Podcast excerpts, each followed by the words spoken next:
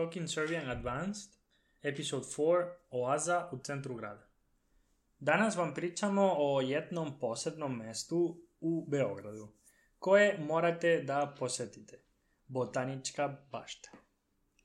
Da, verujem da je Beograd jedan od redkih gradova koji ima botaničku baštu u, tako da kažemo, širem centru grada. Ok, e, šta možeš da, da nam kažeš o ovoj botaničkoj bašti? Ok, ovako, uh, ova botanička bašta prvo uh, zove se Jevremovac. Ok, uh, i pripada Univerzitetu u Beogradu. Sama bašta osnovana je uh, 1889. godine, ali u stvari nekoliko godina pre toga postajala je inicijativa da se da Beograd dobije botaničku baštu i ta inicijativa dolazi od jednog našeg poznatog naučnika koji se zove Josif Pančić.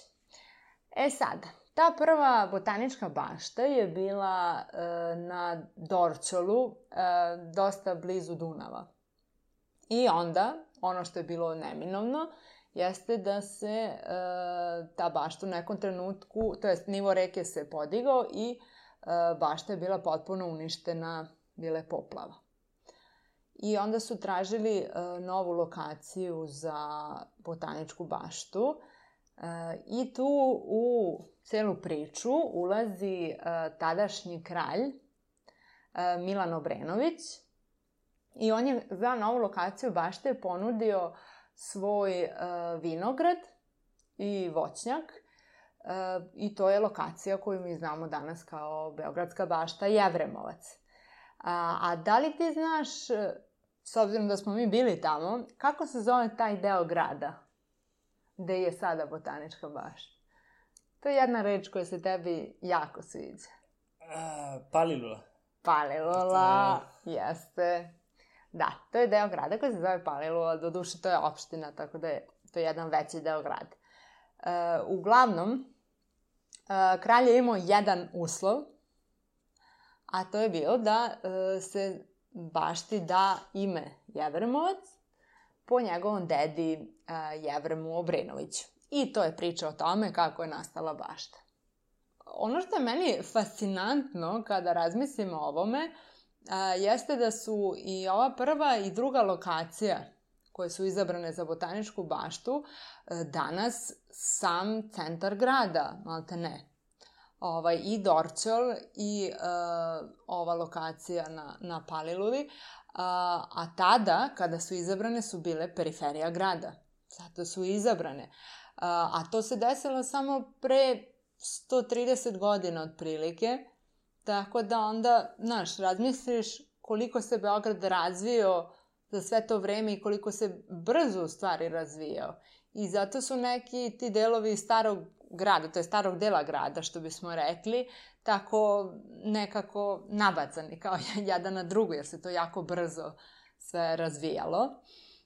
Uglavnom, botanička bašta je i s tog razloga možda manjeg obima, e, manje veličine Aha. nego što bi bile neke botaničke bašte danas u svetu, e, jer je ona ostala, mislim, ograđena na toj teritoriji na kojoj jeste i ono što je paradoksalno jer ona je sada između dve ovaj, jako velike ulice sa jako puno saobraćaja. Da. A to su uh, Bulevar Despota Stefana i uh, ovaj, Takovska ulica koja posle prelazi u ulicu Kneza Miloša.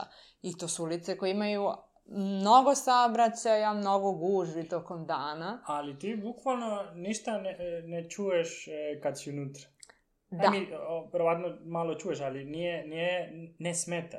Ne smeta zato što deluje kao da je onako prigušen zvuk. Ti znaš da se nešto dešava tamo, ali uh, ova prosto kao da je, mislim, šuma, park, deluje kao neki sunđer i upija taj zvuk i tu buku i, i verovatno i zagađenje. Tako da je e, to jedno, zovu ga jedno od pluća Beograda. Hmm, kao, kao da uđeš u, u drugi svet. Jeste, i zato je prosto neverovatno s jedne strane imati baštu tako u jednom širem centru prestonice, uh, i onda, mislim, dobro, shvatiš zašto je mala, ali stvarno je jedinstveno mesto, ja bih rekla. Uh, ono što ću vam sada pročitati, to su neki podaci o uh, bašti, a to je da se ona prostire na uh, 4,83 hektara. Što... Koliko je to Pa recimo da bi to bilo nešto manje od uh, sedam, recimo, futbalskih terena. Wow. Tako da, jeste ona, mislim, velika nije kao običan park, ali, ovaj, kaže ti, u odnosu na neke druge botaničke bašte, možda bi se smatrala malom, ali je stvarno fascinantna. Onda, uh, ono što je fascinantno jeste isto da je u svoje najbolje vreme, kada se više novca ulagalo u nju, imala je oko 4000 biljnih vrsta. No. I, i, I sada, da li znaš koliko ima? Sada ima, pronašla sam podatak da je oko 2500 biljaka iz celog sveta. Wow i uh, studenti biološkog fakulteta i dalje ovde stiču praktično znanje, jer je uh, botanička bašta Jevremovac deo univerziteta u Beogradu, pripada univerzitetu u Beogradu. Aha. Tako da ona ima i uh, u samu baštu, biblioteku i herbariju. I danas to se koristi, mislim, studenti to koriste baštu da oni mogu da, ne znam, bezbaju ili što. Da, da, da. E, svo njihova, sva njihova praksa, mislim, sva, možda imaju i na nekom drugom mestu, ali u suštini e, glavna, glavna, glavnu praksu stiču tu. Mm -hmm. I to je stvarno njima jedna i divna prilika tokom studija. Mi smo bili u bašti sada već pre par meseci možda. E, da li možeš da mi kažeš šta smo videli tu? Čega se sećaš? I Evremovac uh, ima tri de dela. Ima odvojeni prostor, dobro, koji je i, i najveći prostor. Uh, zatim staklenik, staklenik, mm -hmm. uh, ili staklena bašta. Da. Dobro. I uh, moj omiljeni japanski vrt. Mhm, dobro. Da, znači manje više neka tri dela. Možeš da nam kažeš nešto o svakom tom delu? Naravno. E, u otvorenom prostoru ima raznih e, vrsta. E, neke za zimi sklanjaju u staklenik, e, u staklenik, e, a neke su tu stanu. Da, mislim da sklanjaju najviše možda neko cveće a drveće ostaje tu otprilike. Da, oni koje ne, ne, ne mogu da prežive, da prežive zimu. zimu jeste, da. ovde su zime, zime znaju da budu jako surove. Da, ima raznog drveća stvarno i to je generalno ranije bila šuma, tako da neke, uh, neke vrste tog drveća su tu još pre nego što je osnovana bašta zapravo, to su neke E, vrste tipične za ovo, ovaj deo Srbije, kao što su jasen, bukva ili cer, na primer. A šta smo još videli osim toga što je ovako više egzotično? E, so, egzotično ima e, meksičke palme, to je bukvalno nije odavde, mm. javor, e, sekvoja i ginko, mislim da se zove. Da. Ima, mislim, da, raznih, ali to, mislim, vi samo hodate, šetate i samo gledate e, kako se šta zove, ali svako drvo je drugačije, ima dosta iz Kine, iz Severne Amerike, iz Južne Amerike. I mogu da te pitam, koja je tvoja omiljena trava? pa ja sam videla tamo jednu travu koja mi se jako svidela i uh, zove se pampas trava. Da volela bi prosto da imam i u kući, mada je stvarno neverovatno visoka, jako je lepa ovako, ali je dosta visoka.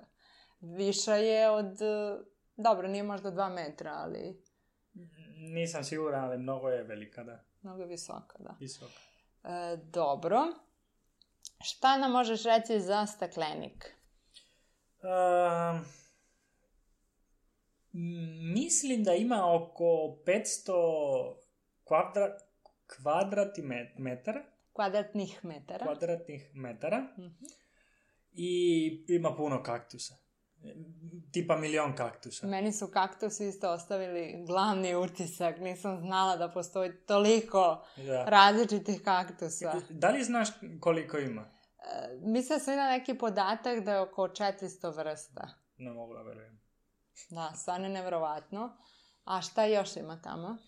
Ima nešto mnogo interesantno. Baš kad uđeš, e, te, um, to o- ogromno drvo banane, Mhm, jeste, sećam se. e, ima drvo kafe, li, li, lilijane, Lijane? Lijan, Lijane. lijane. To, ko, to što koristi Tarzan, znaš. Jeste. A, orhideja, aloe vera. Da, ima i, cveća i ima nekih e, biljaka koje moraju da budu e, sa nekim stepenom vlage. Se setiš, ima jedan Aha, da. specijalan deo gde je više vlaga i ima i vode i jako, jako zanimljivo. I ima najopasnija biljka na svetu. Biljka mesožderke. Šta jede ona? pa ja bih Ili rekao opasna to je... po ljude? ne, ne, za nas nije, ali za muve ja bih rekao da da. Ili paučine. Ili... Ne Da. paučine, pau, pauke. Paukove. Paukove. Jeste, mada mi smo imali jedno kod kuće, nije baš bilo super. Kupili smo je zbog komaraca i mušica, ali ni- nije htjela da se druži sa nama, tako da nas je napustila. Ali da, u botaničkoj bašti Jevremovac mesožderke izazivaju veliko a, interesovanje i svi žele da, ide, da, da idu da ih vide. Um, dobro, ostaje nam treći deo, to je japanski vrt. Tačno. Japanski vrt je kao neka mini zen bašta. Sigur, mislim da, da odvoren je e, 2004. 2004. da, nešto, relativno skoro, mislim. Da, e, godine, naravno. E, I tu se nalazi e, kolekcija i, mm, Pa ima mnogo biljaka prosto tipičnih za daleki istok, za Japan, Kinu i taj deo, taj deo sveta. E, kako je to organizovano? Ono što je karakteristično za japansku zen baštu je voda, kamen i biljke. To mm, možemo i ovdje mm, vidjeti.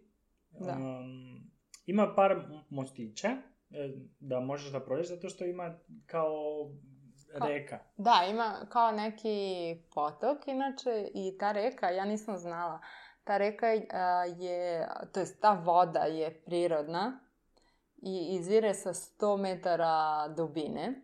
Stvarno. Da, nisam ni ja znala nekako, mislim, ne, ne znam kako ide ta instalacija u sred centra grada, ali je stvarno lepo urađeno i onda ona prolazi kroz ono kamenje i čuješ sve vreme kako žubori, kao da si negde drugde, a na 200 metara od tebe je mm, Haos. otprilike takovska ulica.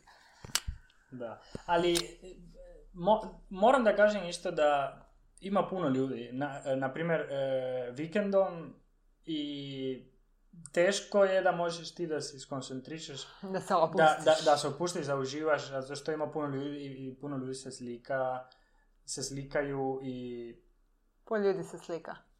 puno ljudi se slika, ali zašto nije? Dobro, nema veze. Uglavnom, jeste, tako je vikendom i taj deo koji se zove Japanski vrt je najpopularniji, svi žele tu da, da dođu da vide, da se slikaju. Da ne kažem da nekada ljudi koji prave svadbu Aha. dođu tu sa fotografom da se slikaju.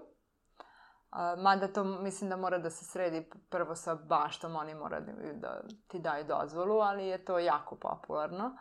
Em, ali ako idete, na primjer, tokom radnih dana i u nekom prepodnevnom terminu, sigurno je mnogo mirnije. Ima Nadam nešto... Da, što nismo isto pomenuli od prirode tu što je tipično, jeste jedno jezerce sa lokvanjima, tako da imate potpun doživljaj onako mini zen bašt. Šta danas uh, predstavlja Jevremovac za Beograđane?